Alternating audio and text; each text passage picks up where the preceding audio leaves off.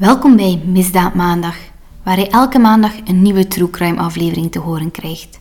Mijn naam is Julie en ik stel voor dat we eraan beginnen.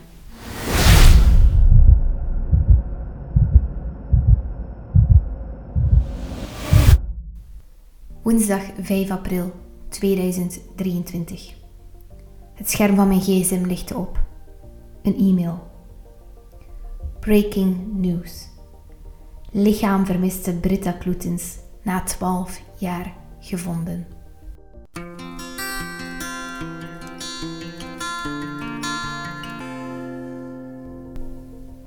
We keren even terug in de tijd, 12 jaar om precies te zijn, naar zaterdag 23 april 2011.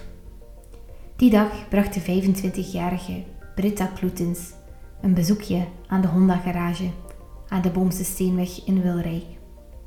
Ze had graag een nieuwe wagen gekocht en was dus bij enkele autogarages aan het langsgaan om haar opties te bekijken. De buren van Britta zien haar die middag vertrekken, maar niet meer thuiskomen. Haar ouders, die op dat moment op vakantie zijn, kunnen haar niet bereiken. De ongerustheid neemt toe. En op maandag 25 april stapt de moeder van Britta naar de politie om haar dochter als vermist op te geven. Daar wordt ze in eerste instantie niet zo vriendelijk onthaald. Britta is een jonge vrouw van 25. Ze is waarschijnlijk ergens op stap met vriendinnen of bij een vriendje blijven slapen. Hier is niets zorgwekkend aan.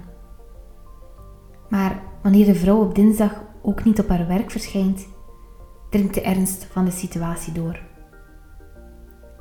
Familie en vrienden proberen om de laatste stappen van Britta te achterhalen. Haar onkel, Paul Kostermans, herinnert zich dat ze een auto wou kopen. De man gaat langs bij verschillende autogarages met de vraag of iemand van de verkopers Britta zou gezien hebben. Maar overal krijgt hij een negatief antwoord. In de Honda-garage aan de Boomse Steenweg in Wilrijk hoopt hij op wat meer geluk. Hij legt de situatie aan de verkoper uit en vraagt of er mogelijk een offerte is opgemaakt voor zijn nicht Britta. En daar vindt Paul zijn eerste aanwijzing. In het systeem zijn twee offertes op naam van Britta Kloetens te vinden, beide opgemaakt door Tijl Tekmans. De man was op dat moment niet meer aanwezig, maar Paul kreeg wel zijn contactgegevens.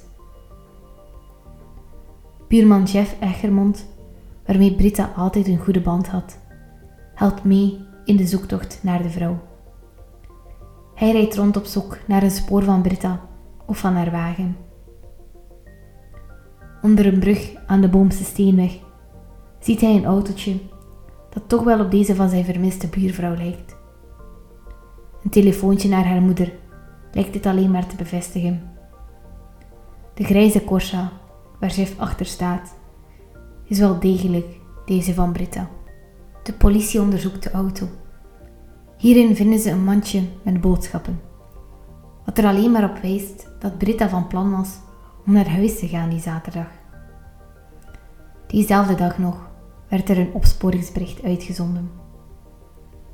Op woensdag 27 april, vier dagen na de verdwijning van Britta Kloetens, wordt het dossier overgenomen door de federale politie. Dit toont aan hoe ernstig de zaak was. Het is duidelijk dat het om een onrustwekkende verdwijning gaat. We weten ondertussen dat Britta die Honda-garage was binnengegaan en dat ze daar werd geholpen door verkoper Tijl Tekmans. De politie besloot om een gegevensonderzoek voor Tekmans uit te voeren. En wat bleek? De man stond gekend bij de politie, meer bepaald voor zedenfeiten.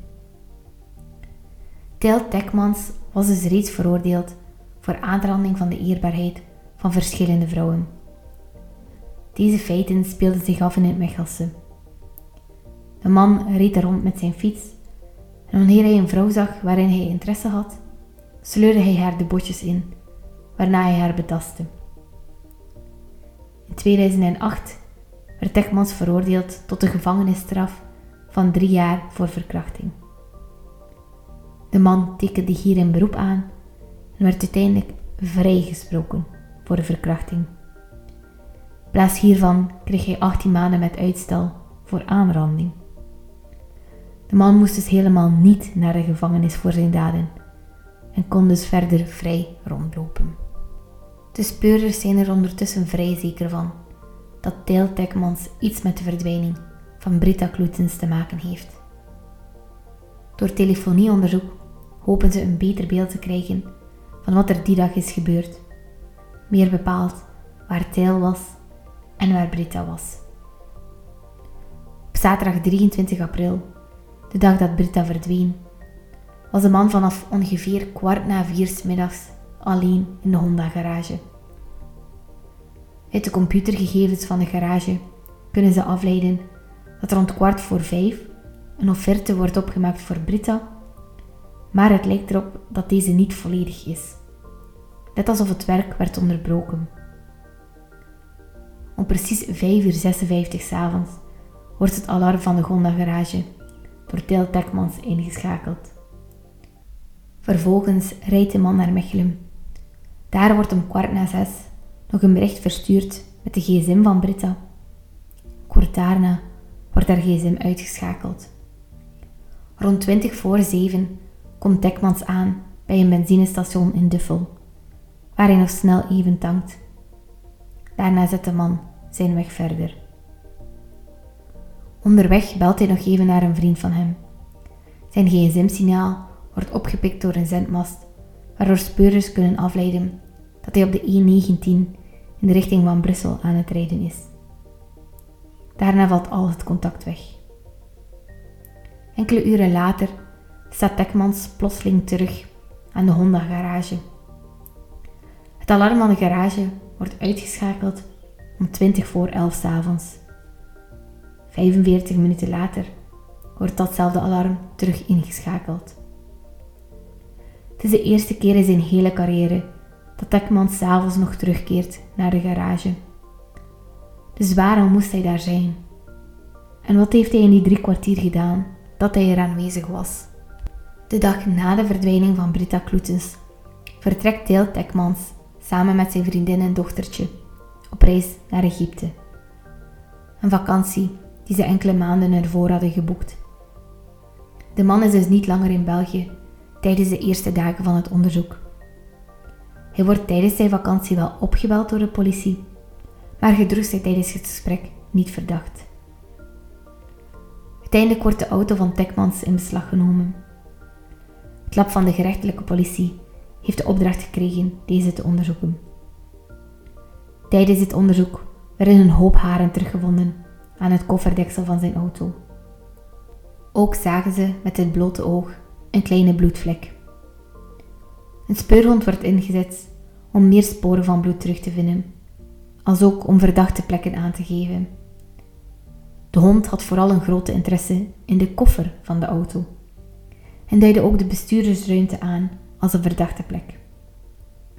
Het onderzoek van de auto van Theo Tekmans leverde dus erg belangrijke sporen op. Wanneer Tekmans op maandag 2 mei in de vroege ochtend terugkomt uit vakantie met zijn gezin, wordt hij gearresteerd op de luchthaven van Zaventem. Je kan een deel van het politieverhoor van die eerste dag terugzien in de documentaire rond de verdwijning van Britta Kloetens. En ik ben geen expert, verre van zelf. Maar toen ik die beelden voor de eerste keer zag, vond ik dat zijn reactie zo gespeeld was. Je zag dat hij zijn zinnetjes ingestudeerd had en probeerde over te komen alsof hij van niets wist. Maar nee, sorry. Nice try, but no. Hetzelfde met zijn lichaamstaal. Wanneer de speurders hem vragen: Dat is dus de laatste keer dat je die vrouw gezien hebt? Zegt hij ja, maar schudt hij precies nog met zijn hoofd van nee. Wanneer de speurders hem informeren over het feit dat ze zijn auto race hebben onderzocht, merk je dat de man een stuk onrustiger wordt. Hij was hier niet op voorbereid en heeft ook niet meteen een antwoord klaar. Toen hem werd verteld dat er bloedsporen in de auto waren gevonden, kun je duidelijk zien op de beelden dat zijn lichaam nerveuze trekjes begint te vertonen. Allee, dat vind ik toch. Dat was iets wat mij opviel aan dat korte fragment van het politieverhoor. Het eerste verhoor eindigt zonder enige vooruitgang. Tel Tekmans blijft ontkennen dat hij iets te maken heeft met de verdwijning van, en wat speurders ondertussen ook al een moord noemen, op Britta Kloetens. Na het verhoor wordt Tekmans voor de onderzoeksrechter gebracht. Hier wordt hij aangehouden op verdenking van moord. In de weken die volgen wordt de man meerdere malen verhoord, telkens zonder vooruitgang. Tekmans blijft zijn onschuld uitroepen. Omdat de man niet bekend, moeten speurders het over een andere boeg gooien en bewijsmateriaal voorleggen waaruit blijkt dat Tekmans iets te maken heeft met de verdwijning van Britta. Het DNA van de haren en het bloed dat in de auto van Tijl Tekmans werd gevonden, wordt vergeleken met het DNA van Britta Klutens. Dit bleek een match te zijn. En ondanks dat nu zwart op wit stond dat er sporen van Britta in zijn auto werden teruggevonden, bleef Tekmans ontkennen. Zijn exacte woorden waren: Ik heb niets gedaan met dat meisje. Maar de speurders geven niet op. Ook de kleren die bij hem thuis liggen, worden voor onderzoek naar het labo gebracht. Op zijn werkkledij, die in de wasmand werd teruggevonden, werden sporen van bloed teruggevonden. En ook het DNA van Britta zat erop. Maar opnieuw bleef Tijl Tekmans ontkennen dat hij iets te maken had met de verdwijning van de vrouw. Vier maanden na haar verdwijning, op 2 september 2011, organiseert de familie van Britta een waken aan het gerechtsgebouw van Antwerpen. Enorm veel mensen komen hun steun betuigen. En net op die dag komt eindelijk de doorbraak in de zaak, waar speurders al maandenlang naartoe hebben gewerkt. Dekmans vriendin kwam hem namelijk die dag bezoeken in de gevangenis. En tijdens dat bezoek vertelde de man haar dat er wel degelijk iets gebeurd was die bewuste 23 april. De vriendin is onmiddellijk naar de vader van Tekmans gegaan, die op zijn beurt naar de politie is gestapt met het verhaal. Dit was het moment voor de speurders om een verdachte te confronteren met zijn eigen verhaal. Ze besloten om vader en zoon samen te brengen en hoopten zo eindelijk de waarheid te horen. We hebben ondertussen allemaal wel een beetje door wat voor een persoon Tel Tekmans is. En het verbaast ons dus niets dat de man het verhaal niet opnieuw wilde vertellen. In plaats hiervan besloot hij dat zijn eigen vader het moest voorlezen. Na het gesprek met de vader namen zij Tel terug apart om hen verder te kunnen verhoren. En ja hoor, voor het eerst in vier maanden tijd vertelde de man wat er was gebeurd met Britta Kloetens. Of ja, hij gaf een versie van wat er zou kunnen zijn gebeurd.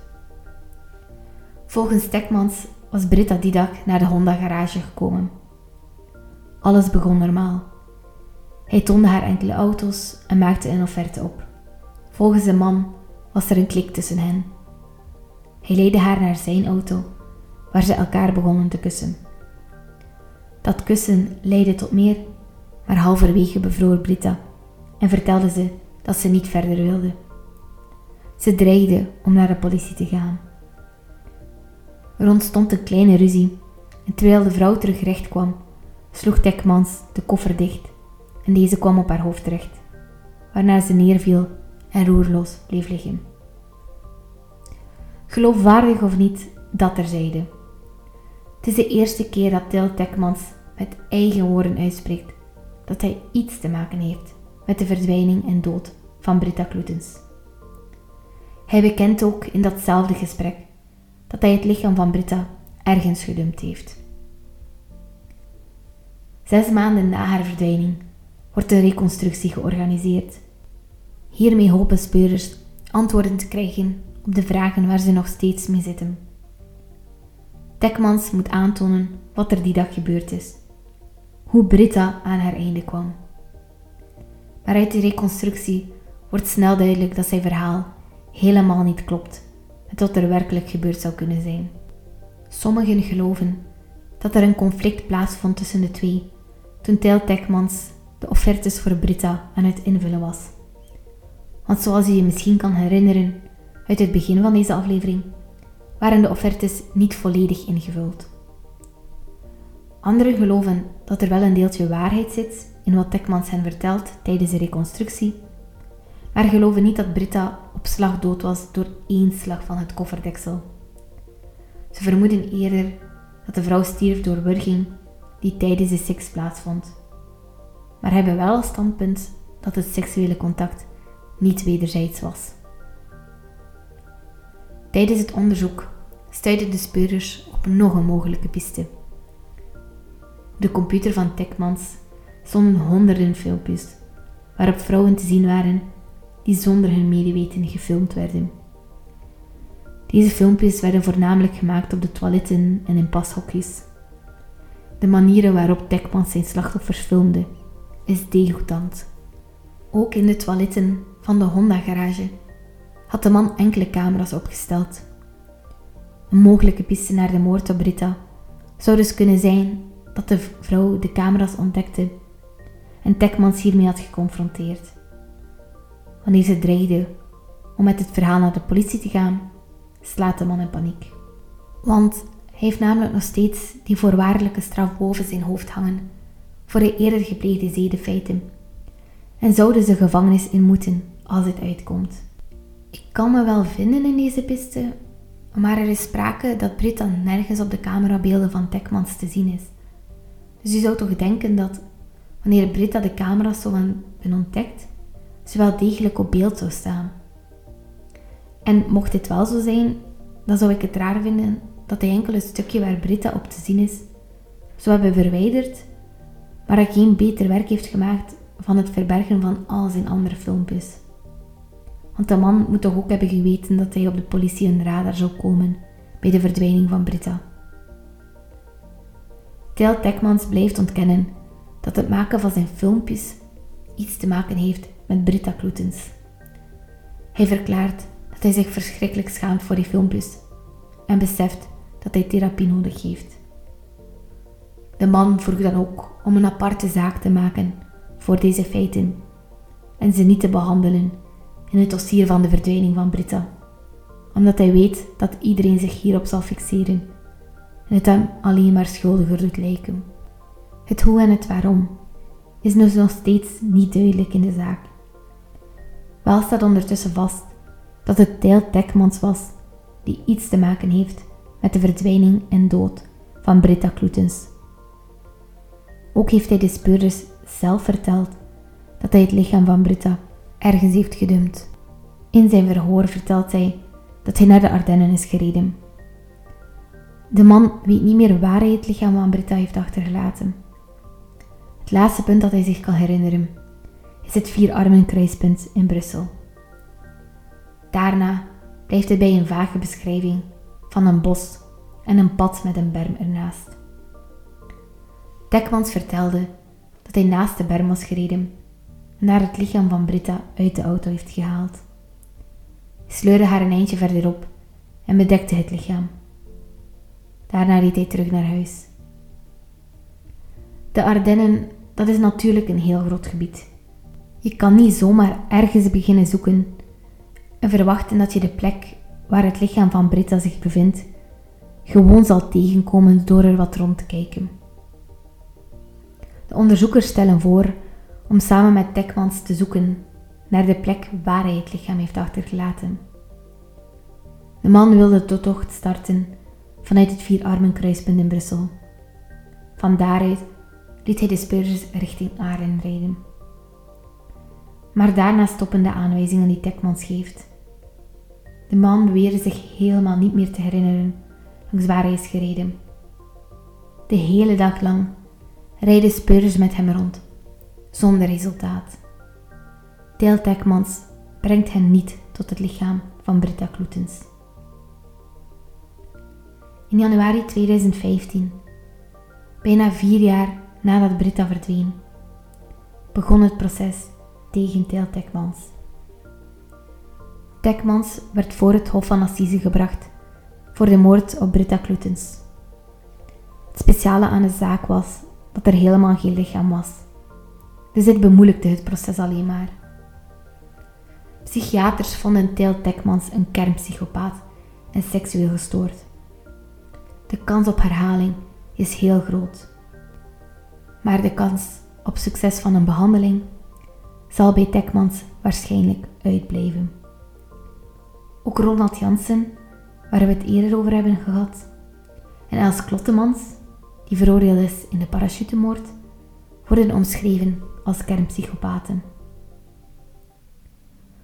Omdat het lichaam van Britta Kloetens tijdens het proces nog niet was gevonden, kon men niet bewijzen dat Tekmans haar met voorbedachte raden had gedood. Daardoor stond de man terecht voor doodslag en niet voor moord. Er is een groot verschil tussen deze twee, want bij doodslag kan je geen levenslange gevangenisstraf krijgen. Uiteindelijk wordt Til Tekmans veroordeeld tot een maximale gevangenisstraf van 30 jaar effectief voor doodslag. Er worden geen verzachtende omstandigheden toegekend. Er werd een gedenkplaats voor Britta opgericht, weliswaar zonder haar lichaam, maar de familie hoopte op dat moment dat ze ooit hun dochter zouden terugvinden. En op 5 april 2023, 12 jaar na haar verdwijning, kwam eindelijk het verlossende telefoontje.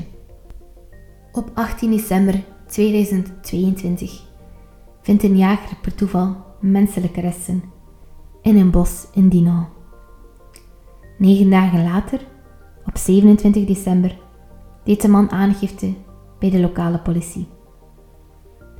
Na die aangifte schakelde de politie het slachtofferidentificatieteam of DVI, Disaster Victim Identification, in, die onmiddellijk een DNA-onderzoek opstartte.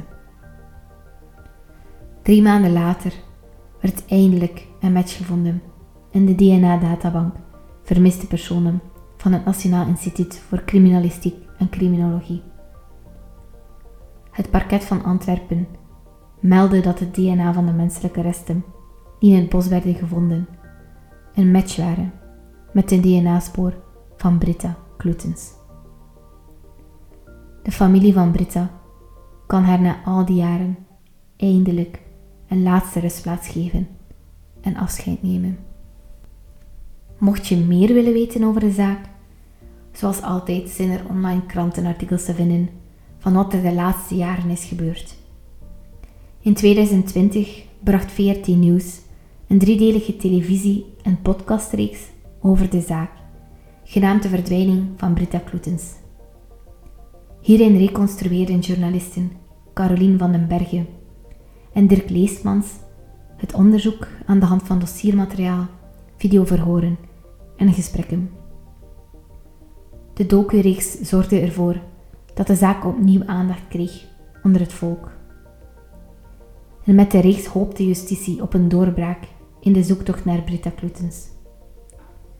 En er was wel hoop, want na de afleveringen kwamen telkens tips binnen bij de politie.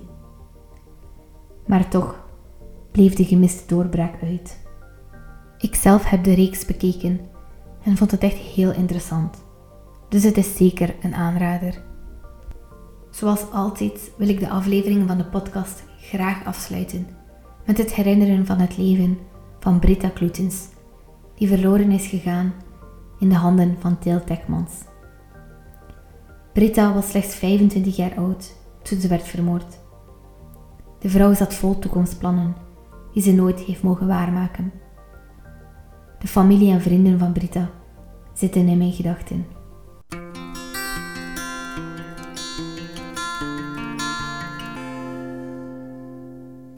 Dankjewel voor het luisteren en hopelijk tot volgende maandag bij een nieuwe aflevering van Mezat Maandag.